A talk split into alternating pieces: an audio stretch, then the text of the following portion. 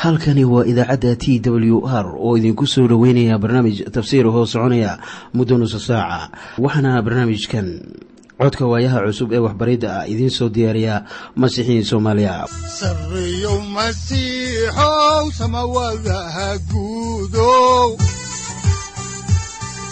siraadkii adduunkow subanaha eebow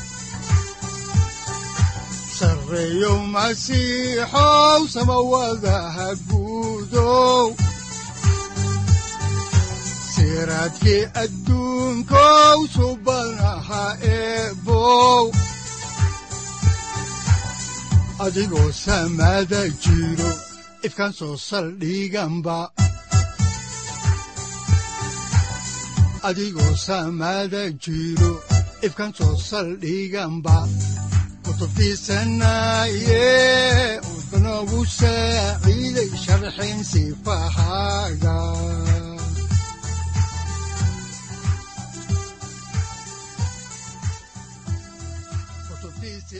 ku soo dhowaada dhegaystayaal barnaamijkeenna dhammaantiinba waxaan horay u sii ambaqaadi doonnaa daraasaadkii la magac baxay baibalka dhammaantii. Waxaannu idiin sii wadi doonnaa kitaabkii yeshuuca oo ka mid ah ahdigii hore yeshuuca wuxuu ahaa hoggaamiyihii reer banu israa'iil kadib markii nebi muuse uu dhintay. Waxaannu caawa horay idinku sii wadi doonnaa cutubka koowaad oo aynu kaga gudbi doonno kan labaad balse inta aynan idiin bilaabin kitaabka aynu wada dhegaysanno qhasiidadan soo socota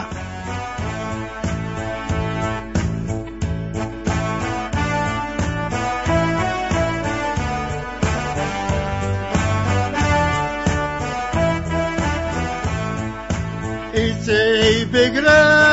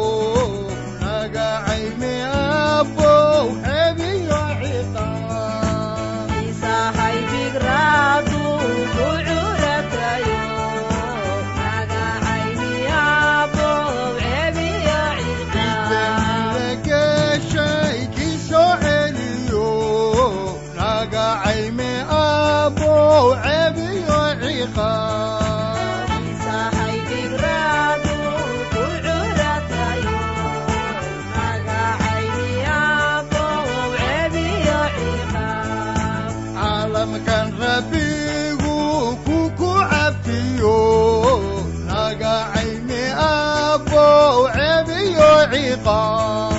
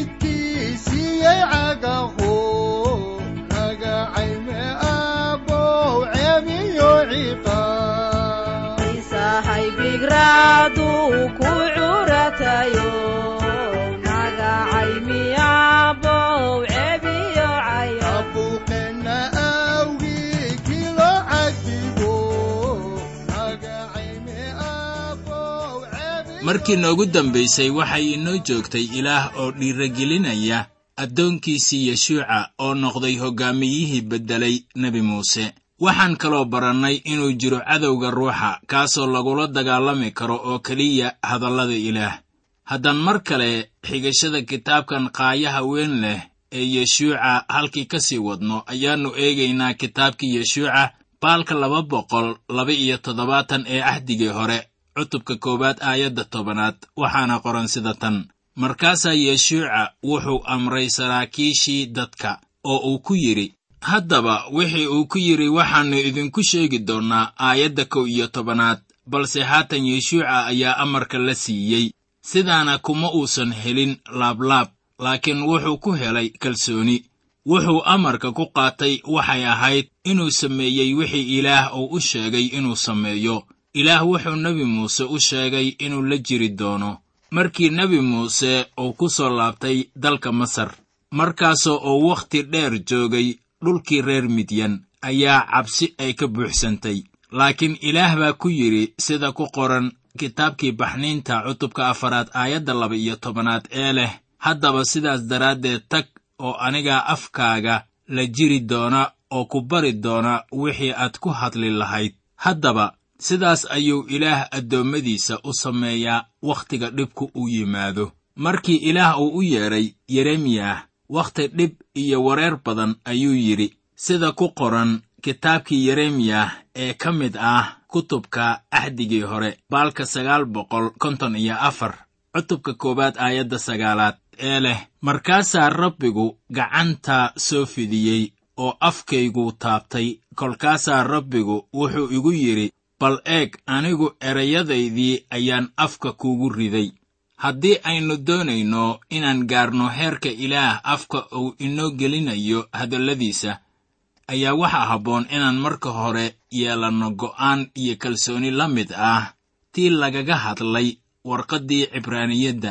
Ee leh sidaas daraaddeed innagoo ku kalsoon waxaynu nidhaahnaa rabbigu waa kaalmeeyahayga oo anigu cabsan maayo bal maxaa dad igu samayn doonaa markii daa'uud uu ahaa boqorkii labaad ee dalka israa'iil oo welibana uu ahaa addoonkii rabbiga uu lahaa hadallada ku qoran warqadda cibraaniyadda cutubka saddex iyo tobanaad aayadda lixaad oo laga soo guuriyey zabuurka boqol siddeed iyo toban aayaddiisa lixaad. Ayuu daa'uud ka jeediyey niyaddiisa waxyaabaha muuqda ee dunida. Wuxuuna u jeestay waxyaabaha aan muuqan ee ilaah waxaana taasu ay ka micno tahay inuu u go'ay ilaaha baaqiga ah ee runta ah. Wuxuu aqoonsaday xidhiirka ruux ahaaneed ee u dhaxeeya isaga iyo ilaah. Naftiisu waxay ku xidhnayd ilaah oo isagu wuxuu odhan karay rabbigu waa kaalmeeyahayga. Nebi daa'uud wuxuu ogaa in ilaah uu samata bixin karo isla sidaas oo kale yeshuuca oo wax badan ka horreeyey taariikh ahaan daa'uud baa ilaah rumaysnaa hadallada ilaah baa isaga u ahaa awoodda. Mase ahayn waxa afkiisa ka soo baxa. Waxay ahayd inuu u fiirsado hadalladii ilaah iyo samayntooda waxay ahayd inuu sameeyo waxa ay farayaan hadalladii ilaah. Taasina waa foormalaha ama qaacidada rumaysadka. Haddaan horay idinku sii wadno xigashada kitaabka yeshuuca cutubkiisa koowaad ayaannu eegaynaa aayadda kow iyo tobanaad waxaana qoran sida tan bal xerada dhex mara oo waxaad dadka ku amartaan oo ku tidhaahdaan saadkiinna diyaarsada. Waayo saddex maalmood waa inaad kaga gudubtaan webigan urdun. Inaad gashaan oo hantidaan dalkii rabbiga ilaahiinna ahu hanti ahaan idiin siinayo. Haddaba lahaanshaha reer banu israa'iil inay dhulkan leedahay ayaan lagu xidhin wax shuruud ah laakiin inay dhulka hanti ahaan u qaataan baa shuruud lagu xidhay haddaba hadalka lagu soo noqnoqonayo kitaabkan ayaan ahayn guul waayo ilaah baa keena guusha. Hadalka furaha u ah kitaabka waa hanti. Waxay ahayd in reer banu israa'iil ay hantiso dhulka. Wax yar kadib markii reer banu israa'iil ay soo galeen dhulka ayaa waxaa meeshii ka baxay maannadii ay quudanayeen. Waxaanay cunayeen haruurkii hore ee dhulka wuxuuna ahaa haruurkii ama saadkii ay ka qabsadeen cadaawaha. Waayo iyagu weli ma ayan helin fursad ay ku beedhaan haruur. Sidaa aad xusuusan karaysaan waxay ahayd inay urursadaan maannada maalin waliba. Maannadu ma ahayn cunno la kaydsan karo. Haddii dadku ay kaydsadaan maannada in ka badan hal maalin way qarribmi jirtay maannadu noqon mayso wax dadku ay cuni karaan. Reer banu israa'iil waxay maannada soo guran jireen subax waliba. Taasina waa sababta bawlos uu inagula talinayo warqaddiisii uu u qoray dadka efesos. Cutubka shanaad aayadda siddeed iyo tobanaad. Si ruuxa laynooga buuxiyo. Haddaba in ruuxa laynaga buuxiyo qaadan mayso hal maalin. Waxayse la mid noqonaysaa sida qof batrool ka buuxiyey gaarigiisii oo dabeetana safar dheer aaday. Suuragalna ma ahan in batroolkaasi lagu shubay gaariga. Uu ka dhigo gaariga inaannu kol dambeeto u baahanaynin in la buuxiyo. Haddaba markaan soo gaabiyo waxaa qofka uu u baahanayaa in ruuxa laga buuxiyo had iyo goorba. Sida gaari shaqaynaya uu ugu baahan yahay shidaal joogto ah. Dad bay la tahay in ruuxu hal goor uu soo gelayo qofka oo taasuna ay tahay shaqo hal maalin qaadanaysa. Taasuna waa doqonnimo. Waxaase jira masiixiyiin fara badan oo ay la tahay in maalin waliba ay leedahay khibradaheeda gaar ahaaneed. Haddii aad had iyo goorba la socoto ilaah ilaah maalin waliba wuxuu kugu shubayaa ruuxiisa quduuska ah. Hadday noqon lahayd subaxa hore duhurkii iyo gabaldhaca hadal iyo dhammaantiis waxaynu u baahannahay in ruuxa quduuska ah si joogto ah laynoogu shubo maalin waliba si aynu ilaah ugu xidhnaanno oon culaabteennana u saaranno. Waxaannu dib ugu noqonaynaa xigashada kitaabka yeshuuca cutubka koowaad aayadda laba iyo tobanaad waxaana qoran sida tan. Oo yeshuuca wuxuu la hadlay reer ruben iyo reer gaad iyo qabiilka reer manaseh barhkiis oo wuxuu ku yidhi aayadda saddex iyo tobanaad ayaannu ku arki doonnaa wixii uu yidhi. Haddaba laba qabiil iyo qabiil barhkiis ayaan ka gudbin webiga urdun. Waxayna codsigooda u gudbiyeen nebi muuse wakhti hore. Markaasoo reer banu israa'iil ay soo gaareen daanta bari ee webiga jordan. Waxaa taasi lagu qoray kitaabkii afraad ee muuse oo loo yaqaanno tirintii. Cutubka laba iyo soddonaad aayadaha kow ilaa shan. Waxaa qoran sida tan haddaba reer ruben iyo reer gaad waxay lahaayeen xoolo fara badan oo markay arkeen dalkii yacseer iyo dalkii gilicaad inay meeshaasu xoolo u wanaagsan tahay ayay reer gaad iyo reer ruben u yimaadeen nebi muuse iyo wadaadkii elicasaar ahaa iyo amiiradii shirka oo waxay ku yidhaahdeen cataarod iyo dibon iyo yacser iyo nimraah iyo xeshboon iyo elcaaleh iyo sebam iyo nebo iyo becon oo ah dalkii rabbigu wax kaga dhuftay reer banu israa'iil hortooda waa dal xoolo u wanaagsan oo annagoo addoommadaada ahuna xoolo baannu leennahay oo weliba waxay yidhaahdeen haddaad raalli naga tihiin annagoo addoommadaada ah dalkan inaannu hantinno noo sii oo webi urdun hanaga gudbin. Haddaba qidcadaasi kore ayaa waxay ahayd codsigii laba qabiil iyo qabiil barkiis. Waxay muuse weyddiisanayeen dhul aan ahayn halkii loo sheegay waana bariga webiga jordan. Haddaan horay idinku sii wadno xigashada kitaabka yeshuuca cutubka koowaad aayadaha saddex iyo toban ilaa shan iyo toban ayaa waxaa qoran sida tan.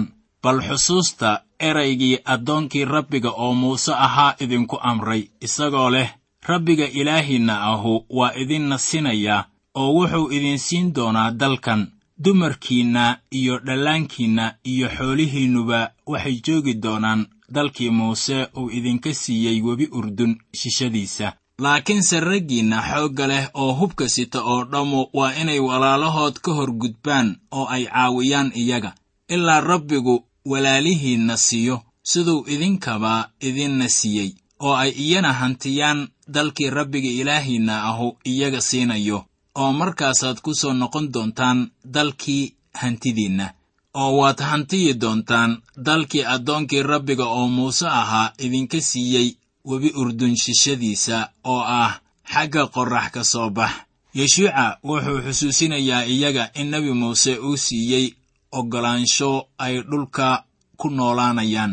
Dhanka bari ee webiga urdun iyagoo shuruudduna ay tahay in ciidamadoodu ay gacan ka geysanayaan xoraynta dhulka ay leeyihiin qabiilada kale ee walaalahood ah ee looga gudbo ama laga gelayo webi urdun. Taana way oggolaadeen haddaan horay idinku sii wadno xigashada kitaabka ayaannu eegaynaa kitaabkii yeshuuca cutubka koowaad aayadaha lix iyo toban ilaa siddeed iyo toban. Waxaana qoran sida tan.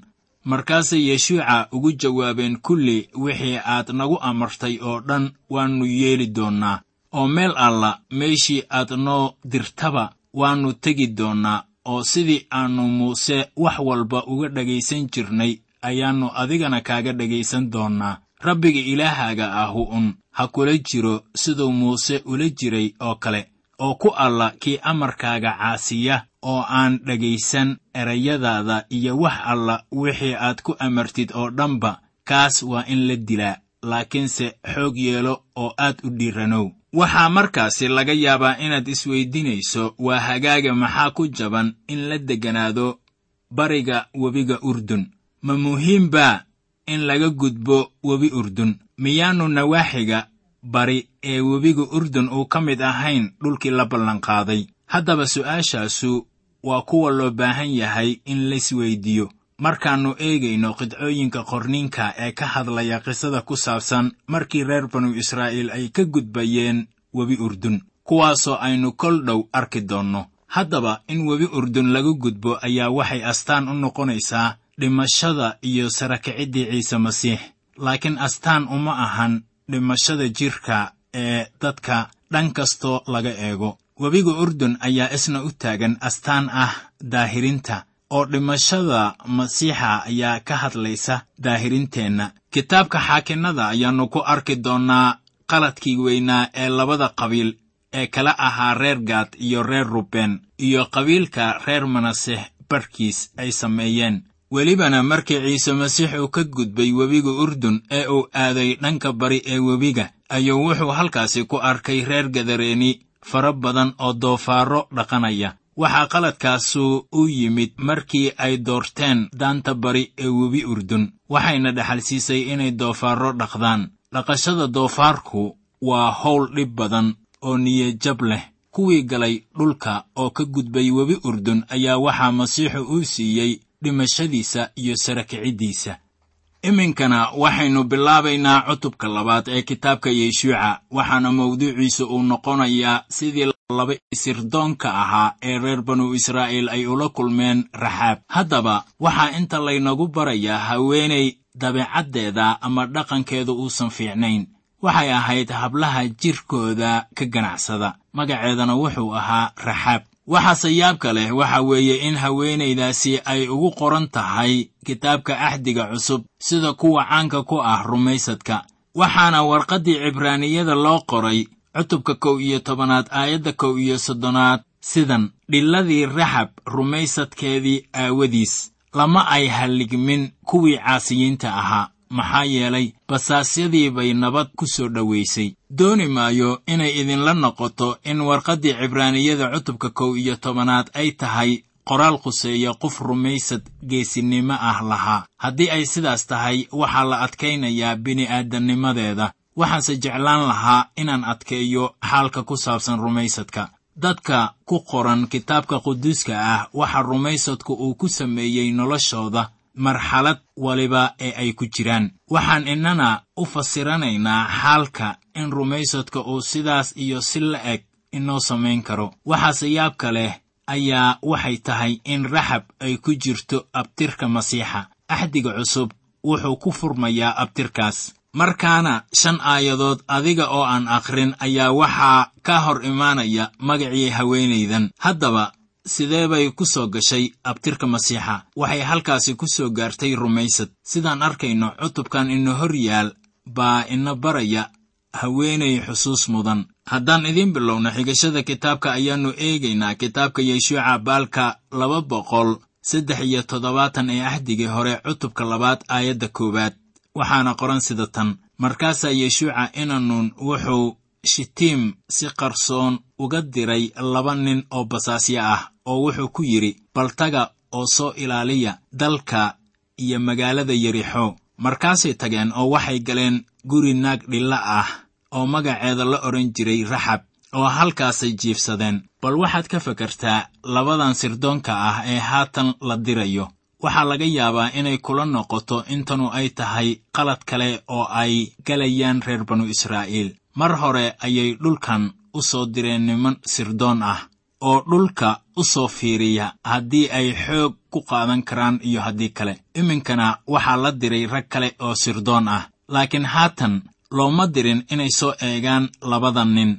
Inay dhulka qaadan karaan waxayse u baxeen inay soo eegaan meesha ugu wanaagsan ee dhulka laga geli karo. Markaana ujeeddadu iminka way ka beddelan tahay sidii ay markii hore ahayd. Waa markii ay joogeen qaadeesh barneca oo ay dirayeen laba-iyo tobanka sirdoonka ah.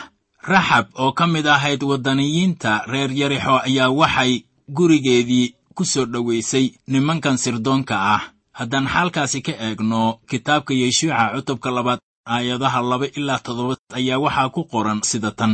Oo markaasaa boqorkii yerixo loo sheegay oo lagu yidhi niman reer binu israa'iila ayaa caawa magaalada yimid si ay dalka u ilaaleeyaan. Markaasaa boqorkii yerixo cid u diray raxab oo ku yidhi soo bixi nimankii ku yimid oo gurigaaga galay. Waayo waxay u yimaadeen si ay dalka oo dhan u ilaaleeyaan.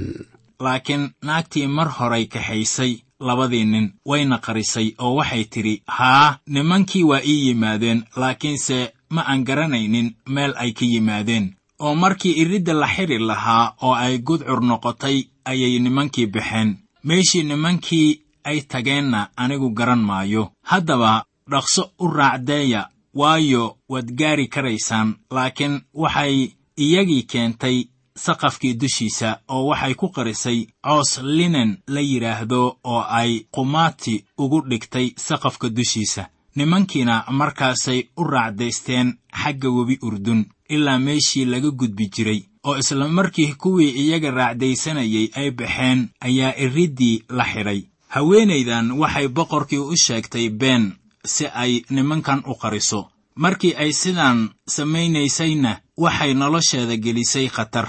Iminka maxay nolosheeda khatar u gelinaysay oo ay sidaan ugu halligaysay ma ahayn inay sidaas yeesho. Maxay haddaba beenta ugu sheegaysaa dadkeeda si ay u difaacdo cadowga? Haddaba intaynan ka jawaabin su'aashaasi ayaan jeclaan lahaa inaan su'aal kale idiin weyddiiyo miyaa ficilkii raxab raalli laga noqon karaa? Haddaba markaan su'aashaasi kaga jawaabno innagoo qorniinka eegayna ayaa carruurta ilaah oo dhan loo sheegayaa inay adeecaan dowladaha ama xukuumadaha inoo taliya. Waxaa markaasi cad in raxab ayaan sidaas yeelin. Marka umalayn maayo inaan ugu yeedhno iyada qof ilaah ilaa aan aragno wax kale oo ku saabsan dabeecaddeeda. Wixii aan aragnay ama aan ka faalloonnay ayaa haddaba noqonaysa hal fasiraad ee xaalkeeda ama ficilkeeda lagu eegayo. Waxaa haddaba jira dhinac kale oo laga eegi karo ficilkeeda oo ay muhiim tahay inaan innagu maanta ka fakarno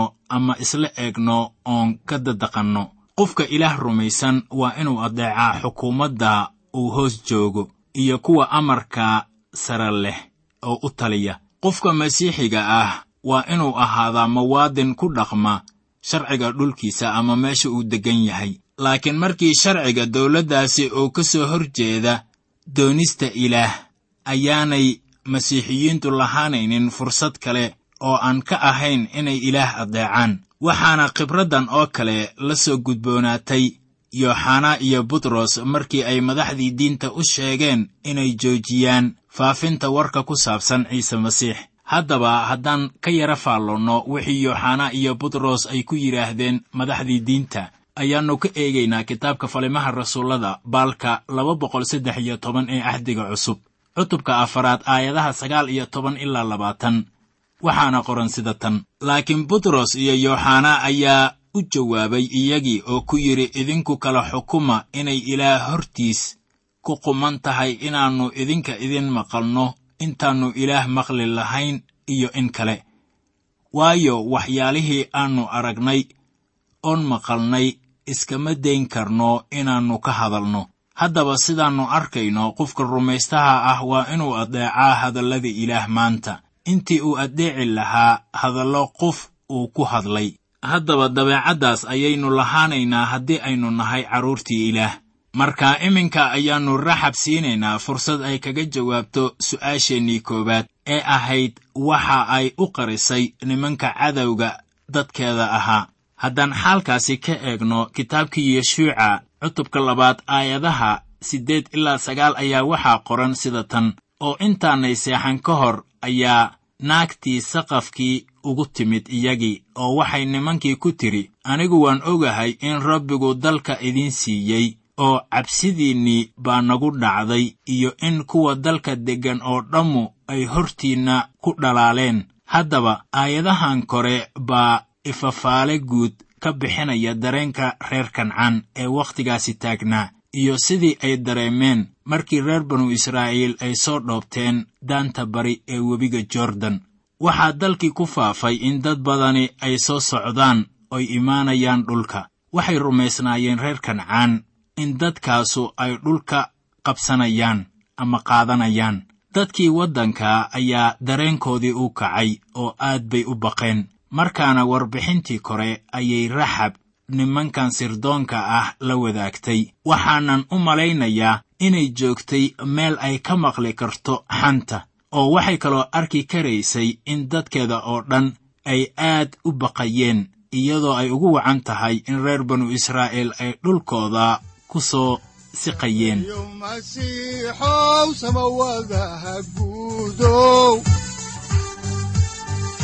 Siraadkii adduunkow subanaha eebow adigoo samada jiro ifkan soo saldhiganba adigoo samada jiro ifkan soo saldhiganba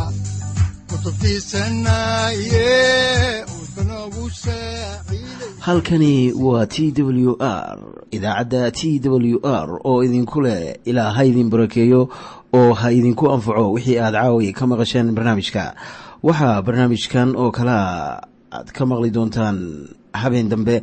Hadahan oo kale haddiise aad doonaysaan in aad fikirkiina ka dhiibataan wixii aad caawi maqasheen ayaad nagala soo xiriiri kartaan som t w r at t w r c o k e haddii aad doonaysaan in aad dejiisataan oo kaydsataan barnaamijka ama aad mar kale dhegaysataan fadlan mar kale booqo www t w r o r g amase www t t b t w r o r g.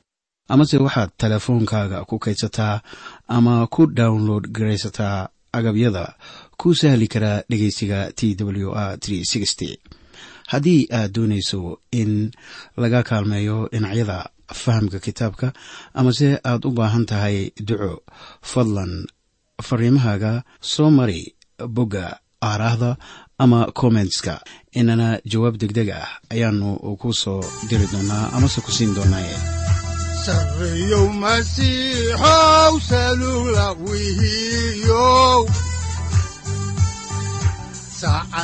timid dhulka sabada ku dhalatiyo